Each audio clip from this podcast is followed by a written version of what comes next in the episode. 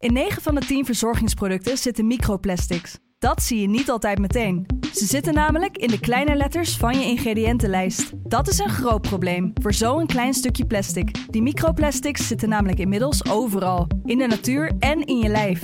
Gelukkig zijn er ook merken die gewoon microplasticvrij zijn. Want dat het anders kan, dat weten we bij Weleda, Lekker Company, Marcel's Green Soap, Naïef, Smaal en Witlof wel. Dus check de kleine letters. Die hebben de grootste impact. Deze podcast is mede mogelijk gemaakt door Obam Investment Management. Al ruim 85 jaar Nederlandse beleggingshistorie met beleggen in aandelen wereldwijd. Ervaren, actief en met een duurzaam rendement investeren in uw financiële toekomst. Obam Investment Management, de kunst van het kiezen. Kijk op obam.nl voor meer informatie. Voor een vrouw die in het onderwijs zit, uh, vind ik ze behoorlijk uh, competitief op dit moment Ja. wat ze bieden. En Ja. uh, dat je echt denkt van zo. Uh, Ja, maar je we- overweegt nog geen overstap? Of, eh, ik weet niet of ik geschikt ben. dan moet je echt terug naar, naar de jaren 70. Toen was ik met andere dingen bezig, namelijk het spelen met blokken en, eh, en Lego. En de prijs van het Lego interesseerde me niet zo gek veel. Dit is Kwestie van Centen. Een podcast van de Financiële Telegraaf met Martin Visser en Herman Stam. Hartelijk welkom. Nou, eh, Martin, eh, je hebt mijn dag meteen weer gemaakt eh, vanochtend met je opening eh, krant. Oh. We gaan meer belasting betalen. Oh, ik denk, wat komt er nu? nou, ik hoorde je gisteren al iets dat je met dat verhaal bezig was, maar dat het zo uitpakt eh, voor ons. Eh, dat we Ja, nee, we, we, openen deze vrijdagochtend, dat we nu opnemen, de, de kranten mee. Van belastingverhoging op komst. Mhm. Ja, nee, dat, dat, is ook buiten, dat gaat ook buiten mijn invloedssferen om. Hè, dat het de opening krant wordt en welke kop eh, en dergelijke. Nee, maar dat is een interessante analyse van de Marieke Blom van, eh, van ING. Die eh, heeft het een kwartaal eerder ook gedaan om te proberen de puzzel van de krapte de arbeidsmarkt. Dat was de oorspronkelijke eh, vraag om die, eh, met je, die puzzel een beetje te leggen. Van, de verbazing natuurlijk heel veel mensen hebben van hoe kan het dat de, de arbeidsmarkt ineens zo extreem krap is? Hoe, hoe, hoe, hoe, kan dat? En waar zijn al die werkende mensen dan gebleven? En in die analyse stuiten ze erop dat eh, de werkgelegenheid bij de publieke sector, bij de overheid, onderwijs, zorg, echt in een paar jaar tijd spectaculair veel harder is gestegen dan in het bedrijfsleven. Eh, Dus het zijn zo van het ene kwam het ander. En, dus en mensen naar de zorg, onderwijs. ja, en dat willen we natuurlijk allemaal allemaal. Dat op zich is dat helemaal geen slecht nieuws. Ik bedoel, dat is ook een hele nadrukkelijke wens. Alleen, het is, ja, het is bij ING, eh, bij het economisch bureau, waren ze verrast over de, de, ja, het, het tempoverschil. Ze, dat legt dus ook uit. Ja, ik dacht, zei ze, eh, dat de krapte op de arbeidsmarkt vooral kwam omdat de economie gewoon heel goed draait. Heel veel bedrijven, heel veel mensen nodig hebben. En dat de overheid uitbreidt, dat wisten we wel. Maar ja, het blijkt dus eh, dat de, de groei van de werkgelegenheid bij de publieke sector drie keer zo groot is dan in het bedrijfsleven. En dat betekent dus dat de overheid een belangrijke factor is, ook op die arbeidsmarkt. Eh, Die pakt Maar- gewoon banen af. Of eh, die pakt gewoon mensen af. laat ik en dan vervolgens Ja. natuurlijk de vraag, maar als het zo rap gaat bij de overheid, hoe be- betalen we dat eigenlijk? Want nu leeft het kabinet ook nog redelijk op de pof. En eh nou, Sigrid Kaag, minister van Financiën, heeft onlangs bij het D66-congres wel gezegd van nou, er komt wel een moment dat we moeten gaan nadenken over de rijksbegroting. Want geld is niet meer gratis. Ja, en, en als dit de kant eh, is die we opgaan met de overheid die groter en groter wordt, ja, dan, dan krijgen we vroeg of laat de rekening gepresenteerd. Nou, zo kwamen we dan Ja. die openingkrant terecht. Maar je zegt eh, dat vinden we niet erg. Zorg en onderwijs, dat vind ik ook zeker helemaal niet erg. Maar er zit ook een groot deel gewoon eh, publieke diensten bij. Met allerlei ambtenaren Zeker. waarvan we Ja. misschien denken, dan moet dat ook Ja. allemaal nog extra Nee, zeker. Nee, maar ik, ik, ik, wil- ik- ik- voor een deel komt het natuurlijk voort uit een maatschappelijke wens. Van, en is het wel overwogen beleid geweest om, om eh, nou, met name zorg en onderwijs uit te breiden. Meer handen aan het bed, meer mensen voor de klas. Voor zover dat dus in die krappe arbeidsmarkt lukt. Maar inderdaad, bedoel, het is niet alleen dat. Bedoel, het, is, het, het is de totale publieke sector waar je die, eh, waar je die groei ziet. En je moet je natuurlijk wel afvragen, want het gaat zo snel. En bijvoorbeeld voor het onderwijs is, zijn er zoveel miljarden eenmalig geld uitgetrokken. Dat je wel afvraagt, komt al dat geld overal wel goed terecht? Is het Mhm. wel effectief besteed? Levert het echt een grote kwaliteitsverbetering op? Of is het allemaal wat overhaast? Daar, daar kan je toch wel je vraagtekens bij stellen. Nou, qua salarissen, dan spreek ik uit eigen ervaring. Want ik een vrouw die in het onderwijs zit, eh, vind ik ze behoorlijk eh, competitief op dit moment Ja. wat ze bieden. En Ja. eh, dat je echt denkt van zo, Ja. dat de, die, die maar krijgen. je overweegt nog geen overstap? Of, ik weet niet of ik geschikt ben. Laat ik dat. nou, ik zou het eigenlijk wel heel leuk vinden. Of het een beetje zo de, Rut- de Rutte-model, één dag Oh, in de week voor de klas, als ze het hier goed zouden vinden. ja. Dat, ja, nou, of ze co- competitief zijn met het salaris van de minister-president, dat weet ik nog niet. Nee, Maar, eh, dat nee, maar zeker, daar is natuurlijk heel veel gebeurd. Ook Ja. met name in het basisonderwijs. En dat was ook nodig ook. Dat kost ook geld. Eh, dat kost ook geld. En dit gaat specifiek over de, over de arbeidsmarkt. Dat je ziet dat, uh, dat ja, het aantal gewerkte uren in de publieke sector echt heel hard, uh, heel hard is gestegen. En nou, wat, zoals gezegd, in zorg en onderwijs is er veel voor te zeggen. Want je vraagt je wel af, oké, maar wat is de consequentie van dat we dit, dat we dit als, als samenleving willen? En uh, ja, dat kan dus betekenen hogere belastingen of elders bezuinigen. Maar ja, daar is, daar is de politiek op dit moment heel niet uh, goed in. Ja. Dat is een lange aanloop, want we willen het eigenlijk over de inflatie hebben vandaag. Want daar vonden we wel reden toe, want er zijn weer uh, cijfers bekendgemaakt. Dan duiken we natuurlijk meteen allemaal op. en die zijn wat gunstiger dan gedacht. Dit is het moment waarin je ziet van, nou, die inflatiecijfers die beginnen, wat, waar al, wat al werd gezegd, van ze gaan op een gegeven moment wat afnemen. Ja, mag je hopen, ja. Ja. Inmiddels zitten we op, wat was het? 11,2. 11,2. En dan ja. moet je eerst eens even beginnen, want dat uh, vind ik altijd leuk om te weten. Jij weet het heel goed in je hoofd, want dat zijn de Europese inflatiecijfers. Dat zijn niet de Nederlandse inflatiecijfers. Ja, het is wel over Nederland, maar dus je hebt twee definities. Je hebt een Europese definitie en een Nederlandse definitie. Die van Nederland, die komen, neem ik aan, volgende week. Die sukkelen er altijd een weekje achteraan. Uh, het zijn wel echt gewoon de cijfers die het CBS maakt in Nederland, maar volgens een iets andere definitie. En het grootste verschil is de manier waarop de woonlasten mee worden genomen in die cijfers. Nou, het voert wat te ver om helemaal de techniek ervan uit te leggen voor zover ik die weet. Dus ik blijf het met je. Hoewel ik het eigenlijk net wilde weten. Van, er is altijd iets te doen om woonlasten nee, zeker. Brussel, in, in, ja, ja. kijk, het is niet zo dat de huizenprijzen erin zitten, even voor, de, mm. voor het goede begrip. Want dat is een stijging natuurlijk gewoon van, van een vermogenscomponent. Maar wel, het, het CBS neemt in de eigen definitie mee uh, probeert te benaderen wat de woonlasten zijn, hoe die, uh, hoe die stijgen. Dus dat is eigenlijk de prijs van wonen, zeg mm. maar. Dus, uh, en in de Europese cijfers zit dat niet op die manier.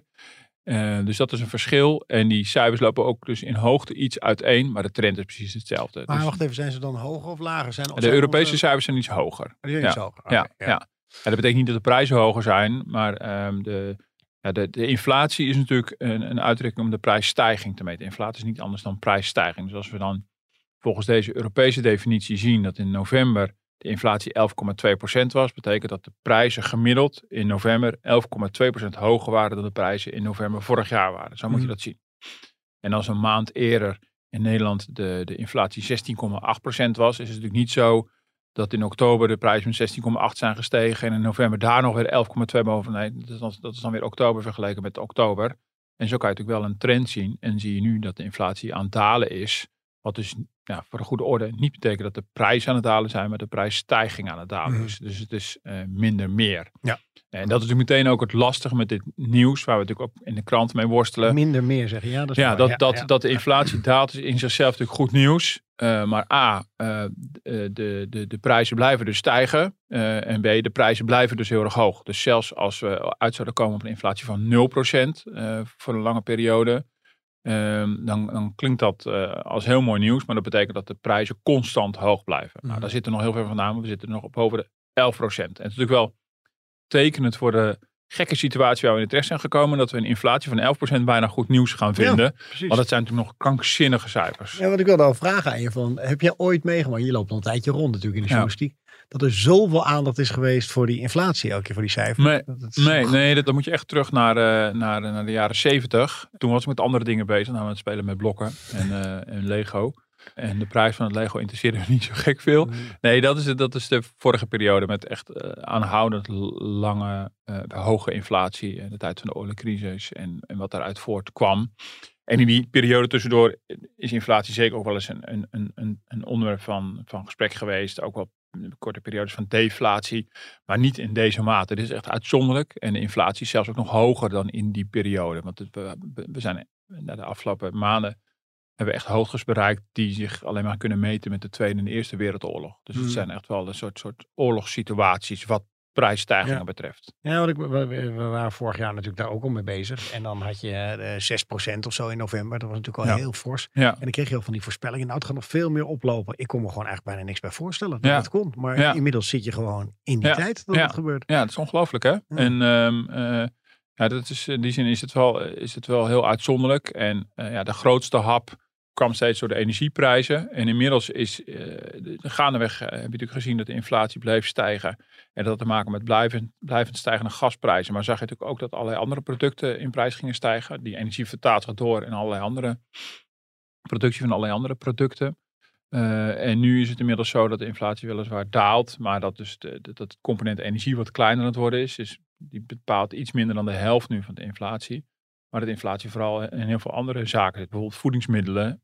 de inflatie aan voedingsmiddelen was in november 12,5 procent. Hmm. Dus de, de prijsstijging bij voedingsmiddelen zet nog onverminderd door. En we zijn er nog lang niet. Het bier gaat nog weer duurder worden, begreep ik, vanaf januari. Ja, eh. ja, dus, ja, ja. slecht. Ik ben geïnteresseerd in een 0.0 prijs. Ja, ja, ja jij bent nog steeds keurig alcoholvrij. Dus uh, nee, maar het zit in een tal van dingen. Mm. Ik heb dat ook voor mijn boodschap wel eens op een rij gezet. En dan zie je nou een pak koffie. Of, dat zit in van alles en, van alles en nog wat. En in, de, de, de, de laatste dagen zie ik gewoon ook allerlei ouders ook met enige verbijstering twitteren bijvoorbeeld over de tarieven in de kinderopvang. Ik heb zelf ook een brief gekregen. Nou, daar zijn ook prijsstijgingen te verwachten van nou, tussen de 10 en 14 procent. Ja, dus ook daar, om maar een voorbeeld te noemen. En en de, de, toeslagen gaan die prijsstijging echt niet bijhouden. dus, dus op allerlei manieren zie je dus gewoon dat, dat de hogere kosten, waar alle organisaties mee te maken hebben, worden doorberekend in, in prijzen. En, ja, en dat is een effect die er voorlopig nog niet uitgelopen is. Hoe kunnen ze nou in die, in die cijfers, hè, want je, daar nemen ze dan die energieprijzen in mee, maar eh, iedereen heeft ook weer ander soort contracten. Kijk, de prijs aan de benzinepomp, dat snap ik als dat naar beneden gaat. Maar ze weten toch niet precies of ik nou, ik heb wel eens hier, uh, nou niet opgeschept, maar wel eens verteld over mijn vaste energiecontract, die echt gewoon enorm laag is. Hoe kan je dat nou vergelijken? Of een soort gemene delen daarin nemen? Nou ja, dat, dat kan dus uiteindelijk niet. En dat is, dat is ook wel het debat wat, uh, wat is losgebrand naar aanleiding van deze cijfers.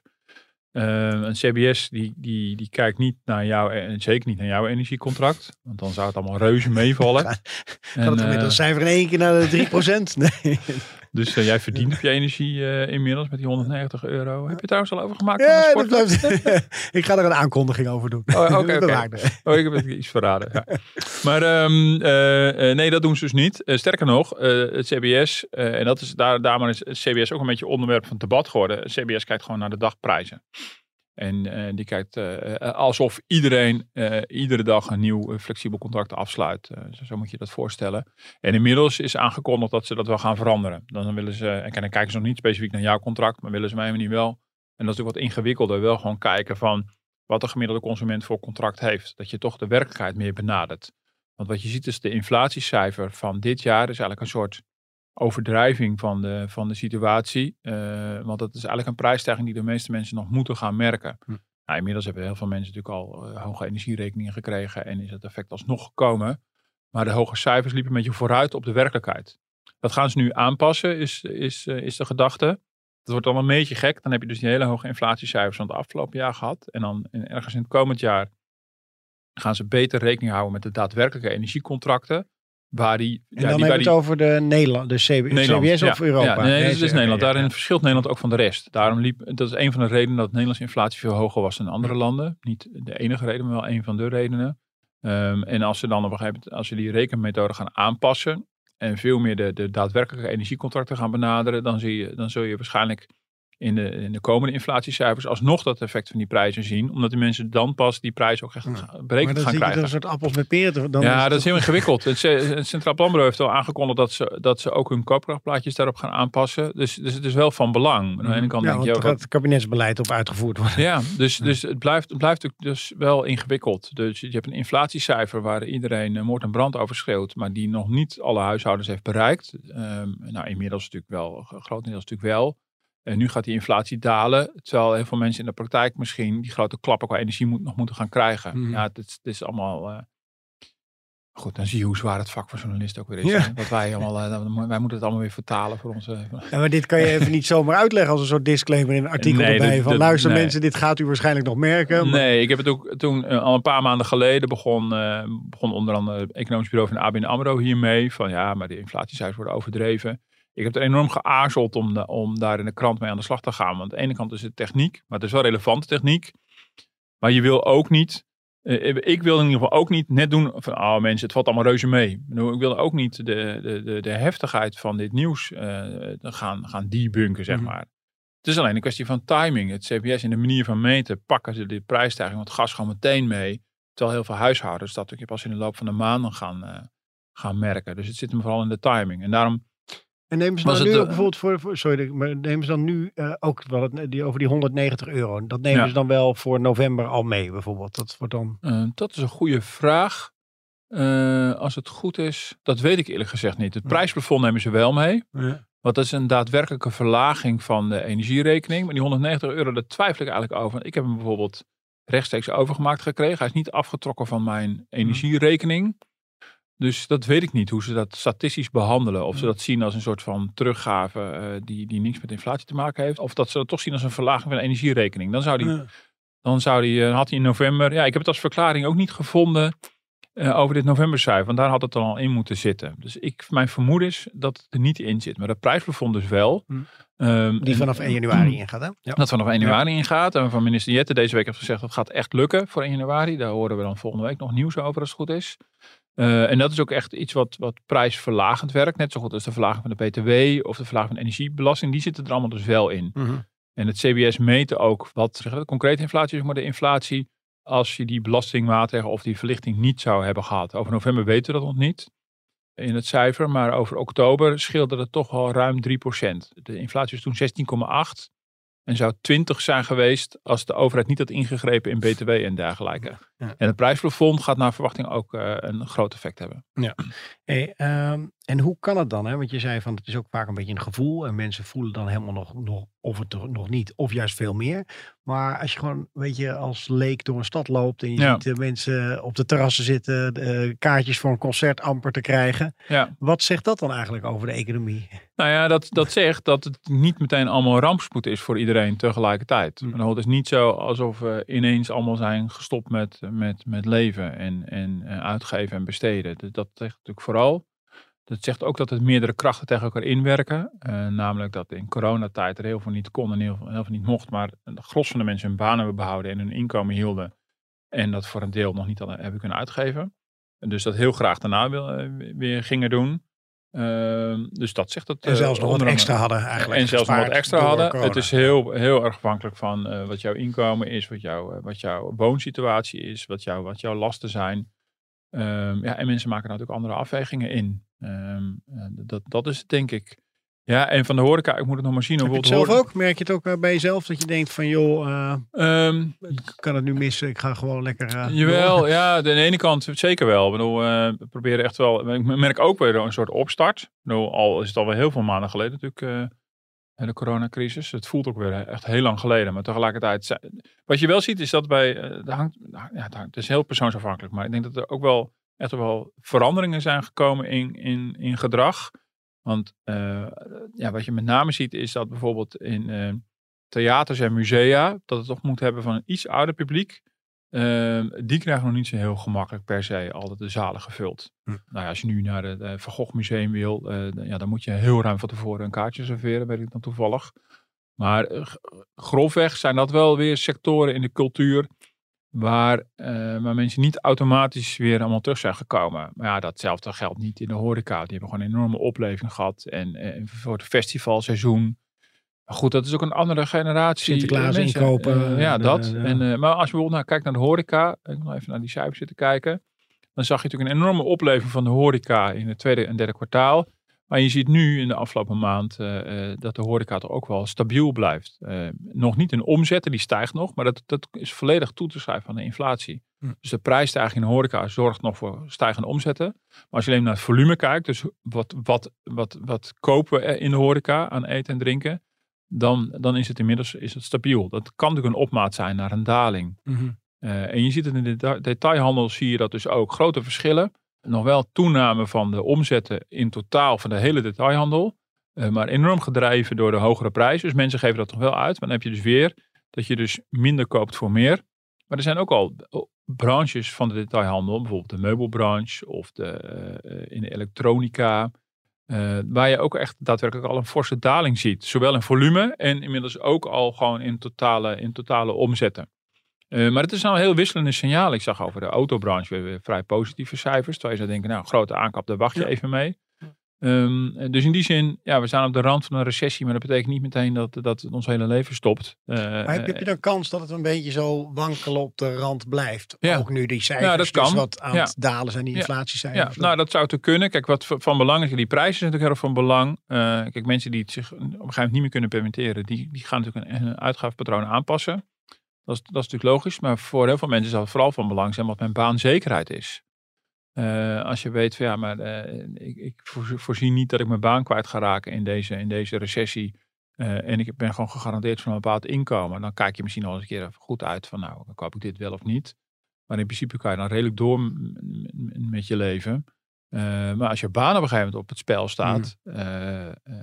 of je komt in een probleem op de huizenmarkt. Dat je gaat scheiden en van gekkigheid niet van je huis af kan komen. Of, dat, dat soort situaties, ja, dan wordt het ineens natuurlijk weer een ander verhaal. En gunstig is dan eigenlijk de arbeidsmarkt die we hier in Nederland hebben. Dat er Zeker. gewoon vrij makkelijk weer werk te vinden is. Ja. Nee, en ik, ik sprak uh, onlangs ook voor een vrouw in de krant ook nog even met de directeur van Nibud. Arjen Vliegentart, hebben we hier ook wel eens in de, in de studio gehad. En ik vroeg hem ook naar wat zijn koopkrachtverwachtingen voor volgend jaar bijvoorbeeld waren. En hij was helemaal niet zo negatief. Dus het kabinet heeft heel veel geld uitgetrokken voor allerlei koopkrachtmaatregelen. Het prijsplafond verwachtte hij veel van. Maar hij zei ook de cruciale factor gaat die werkgelegenheid zijn. Wat gebeurt er als, als, als er toch bedrijven gaan omvallen of bedrijven of organisaties gaan reorganiseren en toch de werkloosheid weer oploopt? Kijk, die, die, het verlies van je baan is natuurlijk de grootste klap die je kan krijgen voor je koopkracht. Dat is natuurlijk wel dat zou, uh, maar hoe schat je dat in? Want uh, uh, je ziet dan overal die briefjes hangen van hier ook personeel gezocht. Hoeveel mensen kunnen er ontslagen worden bij de wat grotere bedrijven bijvoorbeeld? En wanneer is het echt paniek? Ja. Hoe, hoe, hoe nou ja, daar, ja, die paniek. Er Hoeveel lucht zit erin? Ja, die paniek zit natuurlijk nog lang niet. Ik bedoel, het aantal mensen in de bijstand is ook weer gedaald, zag ik. Um, dat, dat, dat is nog wat een moeilijkste groep werklozen, om het een beetje onaardig te zeggen. Maar in ieder geval moeilijkst om aan het werk te krijgen. Um, het is wel zo dat de spanning op de arbeidsmarkt iets verminderd is. Maar nog steeds zo zijn er volgens de statistieken meer werkelozen, uh, meer vacatures dan werkelozen. Uh, maar goed, met het aantal vacatures kan het wel heel hard gaan. Uh, vacatures is ook maar het, het ophangen van een, van, van een mhm. briefje. Ehm, ja, dat briefje kan je ook heel makkelijk weer weghalen. Als je ondernemer denkt, nou ik moet nou eens maar eens even zien hoe de komende kwartalen gaat zijn. Dan, dan denk je van, weet je wat, ik haal die vacatures even terug. Ik blijf het even aanzien met mijn huidige personeelsbestand. Dat is natuurlijk stap 1 heel veel eh, ondernemers en heel veel werkgevers zullen hun personeel vast willen houden voorlopig. Omdat ze uh, ja, in heel veel gevallen heel veel moeite moeten doen om aan die mensen te komen. Dat hebben we in de vorige crisis ook gezien, in de, in de eurocrisis. Dat toen bij de bankencrisis en de eurocrisis pas in tweede instantie de werkloosheid opliep. En niet, niet ogenblikkelijk. Dus, uh, het vasthouden van personeel zou een logische verwachting zijn. Maar dat betekent niet dat er niks gebeurt. Er zijn her en der natuurlijk al grote concerns die die, die reorganisatie hebben aangekondigd. Vooral in de tech ook, hè? Zie je veel uh, ja. ontslagen. En, uh, nou, dat raakt natuurlijk niet per se altijd massaal ook Nederland. Ik bedoel, dat is ook weer een verschil. Die grote internationale bedrijven. Het gaat dan om, vaak om cijfers wereldwijd. En er zijn natuurlijk ook wel, nou, we hebben de verhalen gehad over de bakkers die de deuren sloten. Industriële bedrijven die, die de fabricage stilleggen of de tent helemaal sluiten. Dus die voorbeelden zijn er wel. Um, en het zou heel goed kunnen dat de werkloosheid wel iets gaat oplopen. Maar ja, die is nog steeds historisch heel erg laag. Dus, dus ja, voorlopig is dat nog geen, geen signaal wat enorm op rood staat. Ja. Hey, laten we even naar uh, je vrienden in uh, Frankfurt gaan. Naar uh, Christine Lagarde. Ja. je bent altijd een kritisch volger van de ECB. Ja. Omdat je ook, nou ik ga, even jou, ik ga even woorden in de mond leggen. Maar wel een deel van de schuld van die inflatie toch ook bij deze mensen neerlegt, toch? Zeker. Ja. ja, nee, zeker. Ik bedoel, ja, bedoel, je kan niet denk ik zeggen dat zij de inflatie veroorzaakt hebben. Maar de voedingsbodem is natuurlijk wel uh, met een heel ruim monetair beleid al jarenlang. En dan is, is, die, is de oorlog in Oekraïne een soort een soort ontsteking geweest voor die voedingsbodem. Ja. Hey, uh, wat gaan ze doen? Want er is uh, natuurlijk altijd een hoop ECB e gewatcht. We hebben in december, in december, weer een moment. Hè? Ja, half december. Ja. En uh, je ziet dat um, er zijn nu een paar renteverhogingen op rij geweest. Forse renteverhogingen voor, voor in ieder geval gezien in de historie van, van de ECB van steeds 0,75 procent. Punt moet ik zeggen? 0,75% punt. Mm. Nu zit de rente op. Mooi, uh, dat moet zeggen. Ja, nu zit de rente op, uh, op anderhalf procent. Is nog steeds veel lager dan Amerika. Uh, en is ook nog onder het neutrale niveau, zoals het heet. Dus het niveau, ja, dat kan ik niet berekenen. Maar allerlei analisten berekenen dat van wat zou ongeveer het renteniveau zijn. Dat het een soort evenwicht is, waarbij de ECB eigenlijk niet, niet meer verruimd, maar ook nog niet op de rem staat. Mm -hmm. Nou, dat moment zit er eigenlijk nog helemaal niet. Dus de facto is er nog steeds een ruim monetair beleid, waarbij dus uh, de, nou goed, de economie nog een beetje wordt gestimuleerd. Dat punt beginnen nu te naderen uh, als er nog een renteverhoging aankomt. Maar ja, je ziet nu meteen al met een dalende inflatie, niet alleen in Nederland, maar ook in de hele eurozone. Ja, dat er meteen al stemmen opgaan van nou, misschien kan het wel een tandje minder met de komende renteverhoging. Hoe, ja. gaat het dan in Frankfurt? Dan hebben ze allemaal een rekenmachine en die zitten de hele dag uh, deze sommetjes te maken. Of hoe moeten we dat voorstellen? Dat, uh... ja, ik denk dat het zo gaat. ja, precies. De hele dag op de rekenmachine. De, hoofdrekenmachine die gaat dan naar uh, Christine nee, Lagarde toe. Er zijn natuurlijk gewoon allemaal economische modellen daar. En natuurlijk, mm. ja, ze, ze, ze, houden natuurlijk die inflatie in de gaten. Het beleid is officieel ook gewoon op basis van dagkoersen, om het een beetje onaardig te zeggen. Uh, dat klinkt heel, heel wispelturig, maar uh, het idee, uh, dat is heel duidelijk aangekondigd. Ze gaan keer op keer gaan bekijken hoe ontwikkelt de inflatie zich en vooral hoe ontwikkelt de inflatieverwachting zich. En daar gaan ze op handelen. Dus in andere fases was het gebruikelijk dat de, de, de, president van de centrale bank voorspiegelde van nou, dat is de kant die we opgaan. En nu zeggen ze nee, we moeten gewoon echt heel goed in de gaten houden hoe de prijsontwikkeling is. En daar gaan we op handelen. Dat betekent dus ook dat als de inflatie lager is dan was verwacht, ja, dat er altijd weer analisten op staan die zeggen van, oh, dit kan een reden zijn van de ECB om voorzichtiger te zijn. En uh, uh, ja, en dat is voor mij, voor mijn gevoel, precies het scenario waar je niet, niet wil komen. Dat is precies hetgene uh, waar ja, door de haviken, zeg maar, die wat, wat strenger in de leer zijn, eigenlijk al, al de afgelopen tijd voor wordt gewaarschuwd dat de ECB te snel stopt met rente verhogen. En te snel denkt, oh, dit, dit is het wel geweest. We hebben nog steeds een inflatie, in ieder geval in Nederland, van, van, van meer dan 11 procent. In de eurozone was die procent of 10. Dus dat is ook niet gering. Dus, dus die cijfers beginnen naar elkaar toe te kruipen voor de hele eurozone en van Nederland. Dus dat is nog steeds een extreem hoge inflatie. Uh, en als je te vroeg zou stoppen met renteverhogingen, dan heb je kans dat je nog heel lang blijft hangen met het inflatieprobleem. Hm. En hoe, hoe gaat het uiteindelijk dan? Want uh, nou, ik maak een beetje die grap over die rekenmachine. Maar ja. ze zitten bij elkaar in de ruimte. Ja. En ja. uh, ik ga ze dan koppen tellen van de meerderheid vindt nu, uh, we moeten het met zoveel verhogen. Ja, ze proberen altijd te streven naar consensus. Hm. En er wordt natuurlijk in, in die periode voor, voorafgaand worden die analyses gemaakt. En die worden dan ook vanuit, het, vanuit de staf van de ECB gedeeld met het hele bestuur. Dus alle centrale bankiers. Klaas Knot zit daar als Nederlandse centraal, ik wou zeggen namens Nederland, maar dat zal hij meteen bestrijden, want hij zit daar gewoon namens Europa. Mm. Maar hij is dan toevallig een Nederlander. Nou, alle nationaliteiten zijn daar vertegenwoordigd, maar die worden geacht voor het algemeen belang te zijn. Nou, Hoezo daar... zou dat eigenlijk erg zijn als hij niet gewoon namens Nederland ja, zit? En, uh, ja, omdat hij daar, uh, ja, nee, goed, ja, dat, uh, ja, dat is een, een goede vraag. Maar dat is, dat is hoe het officieel werkt. Dus de Italiaanse centraal bankier zit daar zeker niet voor Italië. Nee, die zit ja, daar precies, voor, ja. voor het algemene goed, dus voor het algemene belang. En dat geloof natuurlijk allemaal uh, trouw. Maar heel toevallig uh, zijn de noordelijke centrale bankiers, die zitten iets anders in de wedstrijd dan de zuidelijke centrale bankiers. Maar dat zal te maken hebben met wat er in ons brood zit en ons drinkwater. Ja. Maar nee, maar dat is officieel hoe het is. Hij zit daar niet Nederland te vertegenwoordigen. maar dat is heel officieel. Zo voelt het natuurlijk wel een beetje. En zo spreken we natuurlijk ook, ook wel aan van meneer Knot, wat heeft hij nou voor ons gedaan? In, in, in, in, en werkt dan net zoals in Brussel met van die uh, toppen en dat je ook een soort bondje, heet dat tegenwoordig, hippe, ja, ja. vormt van nou wij gaan met z'n tweeën of nou, drieën zo, dit Ja, alleen dat is wat, dat is wat meer buiten het zicht. Ik bedoel, je hebt kijk, in, in, bij, rondom de Europese Raad, waar al de, alle ministers of de premiers en zo uh, uh, vergaderen, wordt het, heb je natuurlijk een hele, heel perscircus eromheen en wordt er heel veel gelekt, gespind en gedaan. Bij de ECB wordt ook wel gelekt, maar dat, met dat hele perscircus is echt veel kleiner. En dat is echt wel anders. Dus het is dan wat iets wel chiquer en iets wat beslotener. Maar zeker, bedoel, uh, bijvoorbeeld een Klaas Knot zit echt wel koppen te tellen. Die ziet ook wel in de periode voorafgaand centrale bankiers de publiciteit zoeken. Dan ziet hij natuurlijk wel hoe de hazen lopen. Op een zeker moment gaat er uh, een, een, een, moment in dat, dat niemand meer wat mag zeggen. Dus een aantal dagen van tevoren de Purda-periode. Hoe heet dat? dat sorry? De Purda-periode. Dat zal vast een afkorting zijn voor Oh, iets. Dat zoek ik nog een keer voor je op. Ja. Zie aan je dat je het heel graag wil weten. Ja. Maar dan, dan mag je geen interview meer doen met de centrale bankier. En dan, als er dan iets in de krant staat, is het uitgelekt. En dat gebeurt ook vanuit de staf van de ECB. Vanuit Frankfurt wordt er vaak ook gelekt. Om vooruit te lopen op de, op de beslissing. Zodat financiële markten weten wat eraan zit te komen. niet te onrustig wordt op de markt. Ja, maar ook, een teen om, eh, ook om, om een teen in het badwater te steken. En soms ook om eh, de, het bestuur voor een voldongen feit te zetten. Ik bedoel, Ja. Dat gebeurt ook. Dat gebeurde vooral in de periode Draghi voortdurend. Ja. Eh, tot En irritatie. bij wie lekken ze dan? Bij Bloomberg of zo? Of, ja, bij, bij Bloomberg, Reuters, Financial Times, Bloomberg, Reuters vooral. En, eh, ehm, maar in ieder geval, de, de koppen worden geteld. En in principe eh, ligt er wel gewoon al een voorgekookt besluit klaar in Frankfurt. Als de centrale bankiers aanschuiven. En dan doet iedereen zijn zegje over. Het is gewoon een vergadering waar iedereen eh, eh, een spreektijd heeft. En ja, de bedoeling is er met de consensus uit te komen. Het is overigens wel altijd een vraag aan Christine Lagarde. Van, is het unaniem besloten, ja of nee? En nou, in het verleden zijn er wel dingen besloten rondom de, de, het opkopen van staatsobligaties die niet altijd unaniem waren. Maar in principe... En, en dat geeft ze wel toe dan ook? Dat, als er naar gevraagd wordt, dan wordt het wel toegegeven. Uh, of, er wordt, ja, of de terminologie wordt zo gekozen dat je wel weet, het is niet helemaal, helemaal mm. unaniem.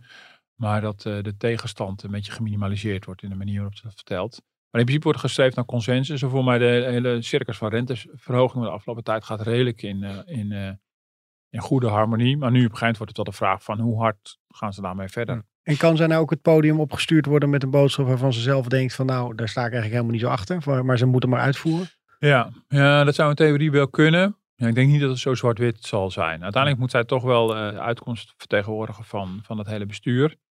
Maar het is zodanig volgekookt dat de kans dat er iets uitkomt waar ze het totaal mee oneens is, is niet zo groot.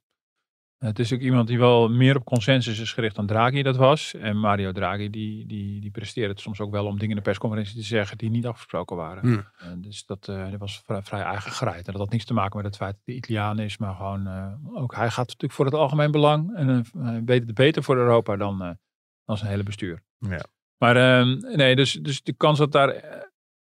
nee, de, de, de, de, kans dat zij echt haar eigen podium pakt Natuurlijk in nuances zal het gebeuren en ze kiest haar eigen woorden. En soms kan dat ook wel een keer misgaan. Dat je iets, iets te stellig zegt of te onduidelijk. Of dat kan natuurlijk allemaal best. En dan moet het weer een beetje... Dat gebeurt ook wel eens dat er achteraf nog dingen worden gelekt. Als de, als de financiële markten ergens zijn aangeslagen op iets wat niet helemaal de bedoeling was. Dan wordt het dan via, ja, via lekken wordt dat dan weer een beetje gecorrigeerd. Ja.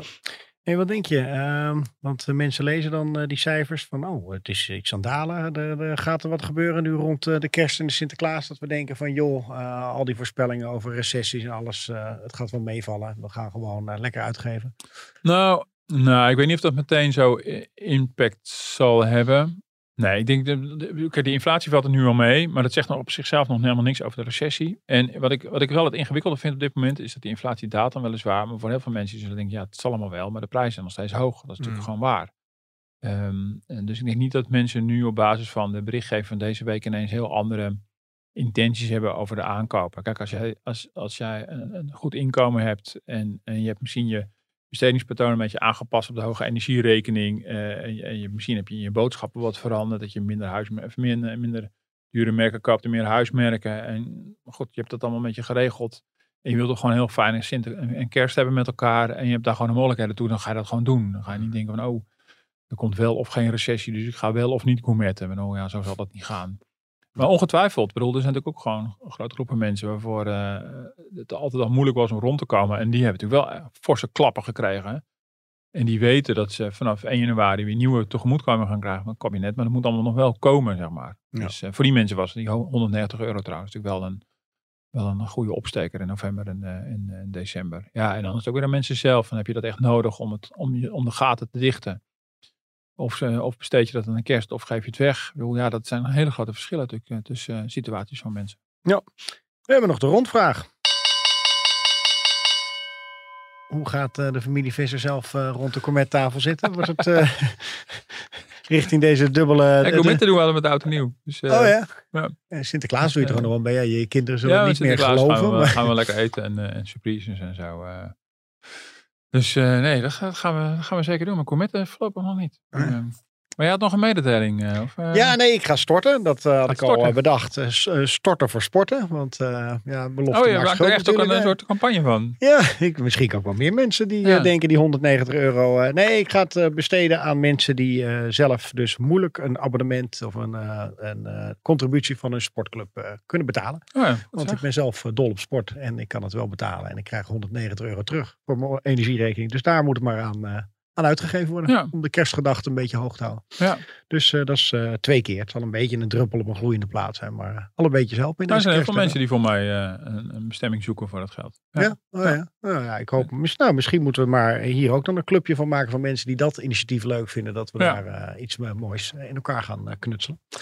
Ja, en verder, de, jij, jij, zit natuurlijk in spanning voor, die, voor, de, voor het dubbele Sinterklaas weekend. Weet je tegen wie we oh, spelen eigenlijk? Oh, dat, ja, ik dacht al van, ga je nou wel of niet over voetbal hebben? Ja, natuurlijk gaan we het over voetbal geen hebben. Idee, geen je idee. weet wel tegen wie we spelen. Ja, nee, ik weet wel tegen wie we spelen. Ja. Zeg of we, we. Zeg, zeg, ja, tegen Zambia. Ja, ja. Ja, Nee, tegen Amerika. Ik, uh, ik weet het. Erbij, ja, weet je, dat, dat is, uh, maar goed, weet je, met een beetje geluk is het afgelopen van het weekend. En dan is het weer, weer over en uit.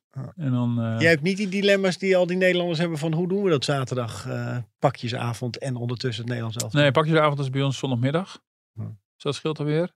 En uh, nee, verder heb je dat dilemma helemaal niet. Mijn kinderen kijken ook niet. Nee, dus dat is, heel, dat is heel overzichtelijk. Dat is prima. En dat valt mij te leven. Kijk, ik leef nog steeds. Ik ben vrolijk. Ja, en uh, het is uh, onvoorstelbaar maar waar. En, ja, het gaat prachtig worden. Ze gaan nu aanvallen vanaf ja, zaterdag. Nou, het is overigens wel heel erg leuk om onze video's van Pim CD te kijken. Onze verslaggever zit natuurlijk met de sportredactie ook. En ik zag dat Pim ook al naast onze website ook al een paar keer uh, zo'n Bo had gehaald met mooie dat vind ik dan wel alle verhalen rondom die voetbalwedstrijden. En, en, en, en nou goed, al de supporters daar en de cultuur die er samenkomen. Daar kan ik dan wel weer van uh, ja, En dat trieste nu, met dat, daar, daar, krijg ik een pijn in mijn buik van. Maar zo'n Iran dat dan terug moet nu uh, naar uh, eigen huis. Na niet mee te hebben gezongen met het volkslied. Oh mijn god, wat gaat er allemaal gebeuren. Ja. Maar Pim maakt gelukkig wat vrolijkere items. Van hoe die Nederlanders daar in containers worden gepropt. En, ja, ja, ja, ja. Er zijn ook een India, Indiaanse supporter die helemaal blij was gemaakt met een had je een fragmentje van Patrick Kluivert nog niet gezien? Oh, dat heb ik gemist. Ja, nee, dat moet je zeker even terugkijken. Dat was oh. heel mooi. Dat zat in Bo ook van de week en, uh, en terecht. Dat was echt feel good uh, tv. Kijk tip, hartstikke mooi. Had je verder nog iets voor de rondvraag? Want uh, je wilt waarschijnlijk niet alleen maar over voetbal hebben nou ja, in deze minuut. heel, heel kort. Ja, ik, ik had voor de rondvraag dat ik uit zit te kijken naar het nieuwe boek van John Irving. Die hadden we van de ah. week in de krant notabene. En die man is wereldberoemd. Heeft miljoenen boeken verkocht over de wereld de wereld volgens Garp, voor mij was dat zijn debuut ooit in, in de jaren zeventig. En Binnen wij voor Ouamini heeft nu weer een nieuw boek. De, de laatste skilift. Alleen dat boek is duizend pagina's. Oh. dus dat is nogal veel. Dus misschien uh, wordt dat meer een cadeautje voor mezelf voor de zomervakantie. dan, wanneer, dan, wanneer komt het? Ja, dat is voor mij nu net uit. Nu net het, uit. Komt, het komt net uit. En uh, uh, ja, ja, die man is 80. En dan kom je nog met een, met een, met een roman van duizend. Het is een meesterverteller. Echt, ja, het is ja, ik denk dat ik toch op een gegeven moment dat ga kopen. Nou, ik zet hem op de lijst. Wie weet doen we samen een soort van uh, kerstdiner voor de podcast uh, crew. Ja, het heet de laatste skilift. en ik, er zitten altijd rare familieverhoudingen in. En uh, nou, hij weet het fantastisch te vertellen. Het, is altijd, oh, zelfs zijn mindere boeken zijn geweldig. Ja. Hartstikke mooi. Of je moet er gewoon lekker zaterdagmiddag gewoon beginnen als wij voetbal aan het kijken zijn. kan ook. Dankjewel voor je tijd. En bedankt voor het luisteren. U kunt ons mailen. Oh, ik had beloofd, ik schiet me net te binnen, dat ik deze week de vragen zou beantwoorden die we in de mail, hebben gekregen. Sorry, nog niet gedaan. Eén weekje uitstel dan. Maar blijf wel mailen naar podcast.dft.nl, want we lezen ze allemaal. En vinden het echt leuk uh, wat jullie uh, schrijven. Dus bedankt daarvoor. Tot volgende week. Tot volgende week.